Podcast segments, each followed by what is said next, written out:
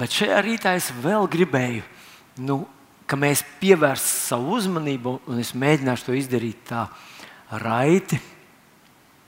Un tas ir uz Jēzus lūgšanu. Dažreiz mēs domājam, ka lūkšana ir vajadzīga tāpēc, ka esam nepilnīgi. Nu, tāpēc, ka mums ir visādi misēkļi un, un, un visādi caurkritieni, un mēs neesam tādi, kādiem mums jābūt. Tāpēc mums visu laiku ir jālūdz. Bet Jēzum nebija misēkļu, viņam nebija grēku, viņam nebija nekādu nepilnību. Bet mēs zinām, ka viņš daudz laika pavadīja savā sadraudzībā ar savu debesu tēvu. Jūs zināt, starp Dieva trīsvienību ir milzīga mīlestības, sadraudzība un attiecības. Un Jēzus mums teica, ka kā tēvs man ir mīlējis, tā es jūs esmu mīlējis. Mēs ar tevi esam ieaicināti šajā sadraudzībā. Un jā, mūsu nu, šīs pasaules telts mums neļauj to izjust. Brīžiem tas ir kā nu, mums jāuzticas vārdam, ka viņš tā saka. Bet kaut kad atnāk tā fāze, kad tu sāc baudīt šīs attiecības, un tu jūti, ka, ka tavs gars paliek liels un stiprs. Miesa arī atdzīvojas. Un, un daudz efektīvāk nekā no kafijas un bulciņas. tavs gars elpo, tavs gars dzīvo, viņā ir spēks. Tu esi saskāries ar savu radītāju, un no viņa nāk dzīvība, elpa un visas citas lietas. Atcerieties! Pēters to saka apakstu darbos. Un tāpēc ir brīnišķīgi viņu pielūgt. Bet tā tad Jēzus lūdza. Un savas kalpošanas pašā beigās viņš ļoti ierobežot uzrunāja cilvēkus. Bet viņš daudz laika pavadīja lūgšanā. Un man gribētos teikt, ka tas nozīmē tikai vienu, ka arī tu nes kā cilvēki mēs varam izdarīt to cilvēcisko, ko mēs varam. Mēs kaut ko darām, mēs strādājam, mēs, mēs darām nu, savā attiecībās ar bērniem, ar dzīves draugu, ar kaut kādas. Mēs darām to savu. Un ir daži, daži tādi cilvēki, kas nu, tā kā, nu, tā kā vilki. Nu, Krieviem ir tāds teiciens, ka volka nogi kormeta. Viņi visu laiku kaut ko grib darīt. Viņi, viņi, viņi vēl nav nobeiguši vienu darbu. Viņi jau sāk jau nākošo, un sāk projektu, uz skrien, pa pasauli skrien.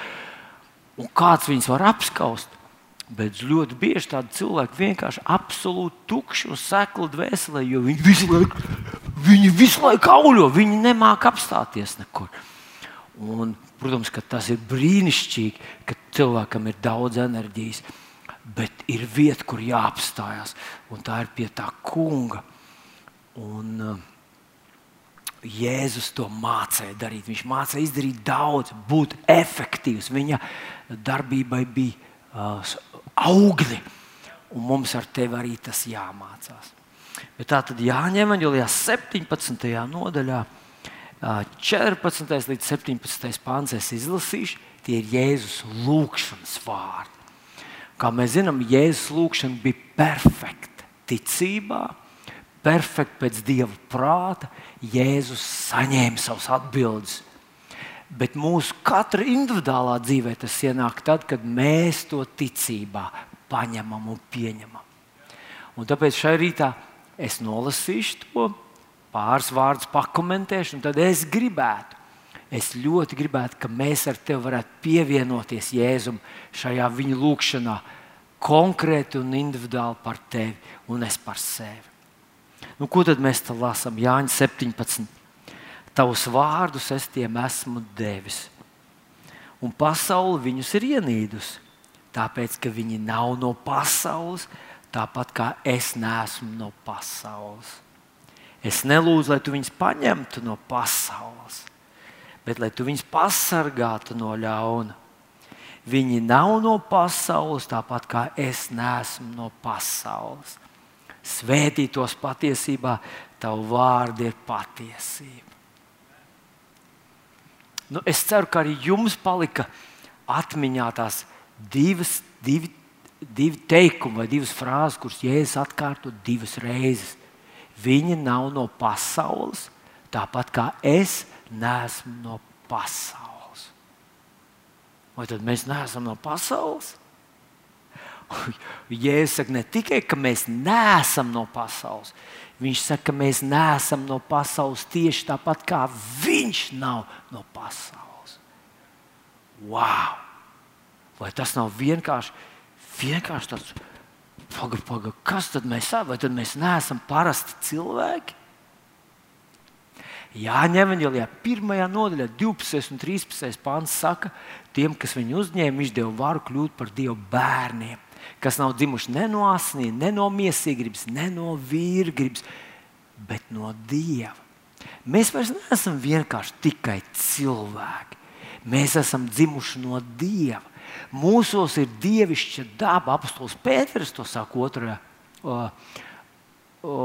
Apostols Pēters saka, ka mums ar šiem lieliem un dārgiem apsolījumiem ir daļa pie dievišķas dabas. Wow!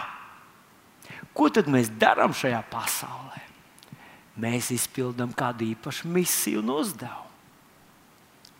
Ebreju vēstulītē ir teikts, ka tie, kas tādas lietas runā, saka, ka viņi ir svešinieki un piemājotāji, svešinieki un piemājotāji šajā pasaulē. Droši vien, ka tu arī biji kaut kur aizbraucis tālāk, varbūt nezinu, kādā citā zemē, kur ir skaisti. Varbūt nav tik skaisti. Varbūt tu, tev tur ļoti labi klājās, varbūt ne tik labi. Bet tu zini, ka tu neesi mājās. Kādus diezgan daudz gadus atpakaļ es biju aizbraucis uz Baltkrieviju. Tas bija tas, tas, tas tie grūtie gadi Baltkrievijā. Un es aizgāju uz valūtas apmaiņas punktu un samainīju 150 dolārus, lai būtu ko norēķināties, uh, samainīja pret viņu rubļiem. Man iedeva, ziniet, tuvu pusmiljonam Baltkrievu rubļus. Es biju miljonārs beidzot. Bet es zināju, ka tas miljons nav man uz palikšanu. Es esmu šeit īsu mirkli. Visi dieva vīri Bībelē staigājuši ar šo attieksmi. Es esmu šeit uz laiku pēc mirkļa es būšu prom. Šeit nav paliekama vieta. Wow! Paklausieties, es pateikšu vēl vienu mazu piemēriņu. Tas bija daudz, daudz gadus atpakaļ. Jūs neviens to vairs neatceraties.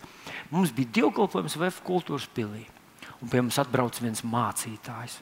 Viņš sludināja tajā dievkalpojumā. No tālas zemes viņš atbrauca. Un viņš pieprasīja, pirms viņš iet iekšā un sludina, viņš pieprasīja, lai noliek vienu kārtībnieku, kas sargā viņa mašīnu.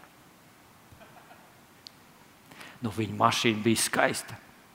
Bet iedomājieties, viņš nevarēja iet un kalpot Dievam, ja viņš nezināja, ka ir kāds, kas nenogurstoši stāv pie loga un skatās uz viņa mašīnu. Ziniet, ir ļoti grūti dzīvot, ja daļa sirds tev ir kaut kur. Tavs lielākais dārgums ir te kaut kur Čiekurkalnā, Užavā, Mužavā, nu, Imantā vai, vai Pampāļos. Tu būtu gatavs iet uz debesīm, ja ne tur tavs dārgums. Un es pie sevis izdarīju tādu secinājumu.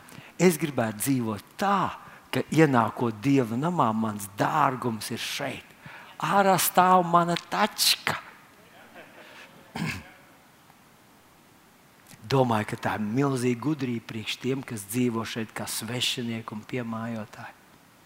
Bet tad viņš saka, es tavus vārdus tiem esmu devis. Dāvids mūs vadīja ļoti svarīgā lūkšanā.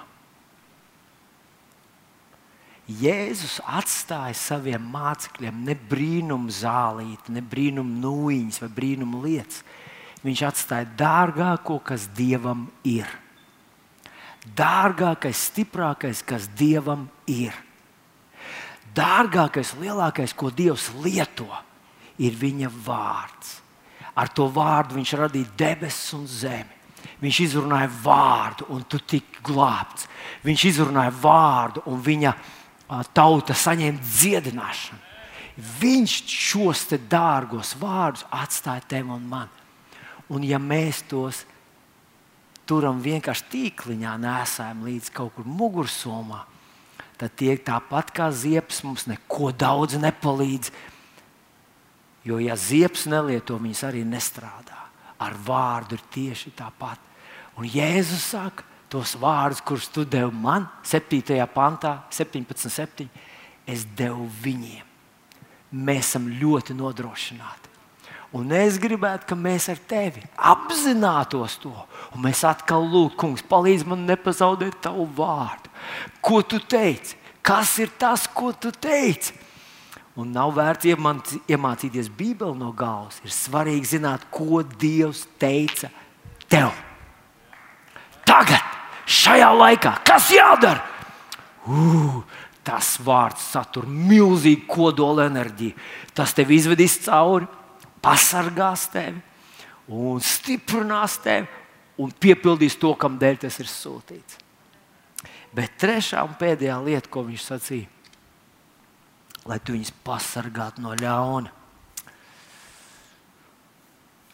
Vēlams cenšas sev uzbūv, uz, uzzīmēt mūsu acīs briesmīgu tādu teroristu. Kurš jau vien viņš tevi izvēlēsies, ar tevi būs cauri.